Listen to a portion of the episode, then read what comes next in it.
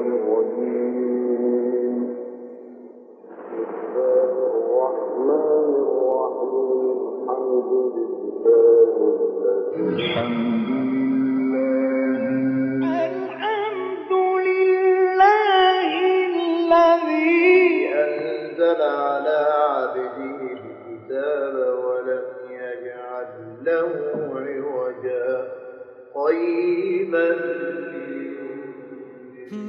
من سير القراء لفضيلة الشيخ ياسين بخصيوان. قارئنا يصعب على سامعه أن يجاريه أو أن يحاول أن يقلده لصعوبة طريقته في التلاوة ومع ذلك فقد حباه الله بصوت قوي وجميل وأداء متين رصين. إنه فضيلة القارئ الشيخ عبد العزيز علي فرج. يا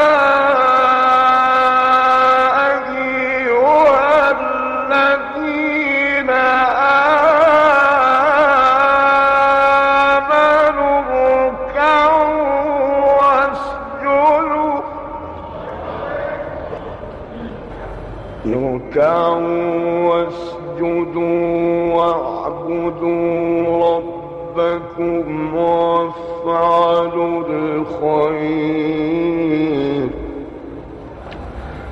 وافعلوا الخير لعلكم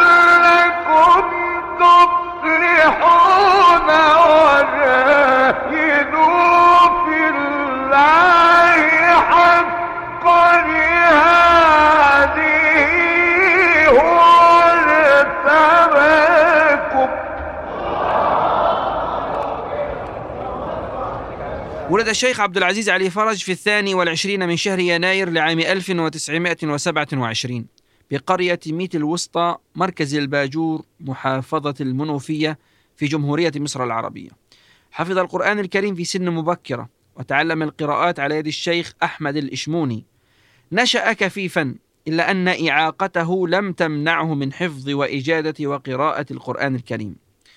انتقل إلى العيش في منطقة حكر أبو دومة في شبرا في القاهرة.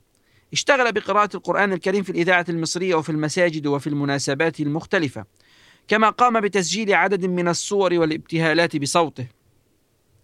تزوج وبعدها انتقل إلى شارع الجسر في شبرا في القاهرة. كان يذهب يوميا للقاء الفقهاء والقارئين والمبتهلين في مقهى الفقهاء في شارع أبو العلا في القاهرة. بعد انتقاله إلى القاهرة تقدم إلى الإذاعة المصرية في عام 1962 لقراءة القرآن الكريم. وكان عدد المتقدمين وقتها 170 قارئا. لم يقبل منهم إلا أربعة كان من بينهم فضيلة القارئ الشيخ عبد العزيز علي فرج. يذكر أنه قرأ القرآن الكريم في أول صلاة فجر تنقلها الإذاعة المصرية من مسجد الإمام الحسين بالقاهرة رضي الله عنه.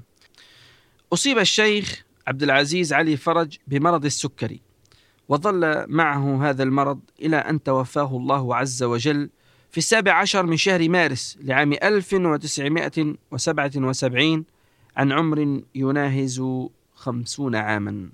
رحم الله فضيلة القارئ الشيخ عبد العزيز علي فرج رحمة واسعة.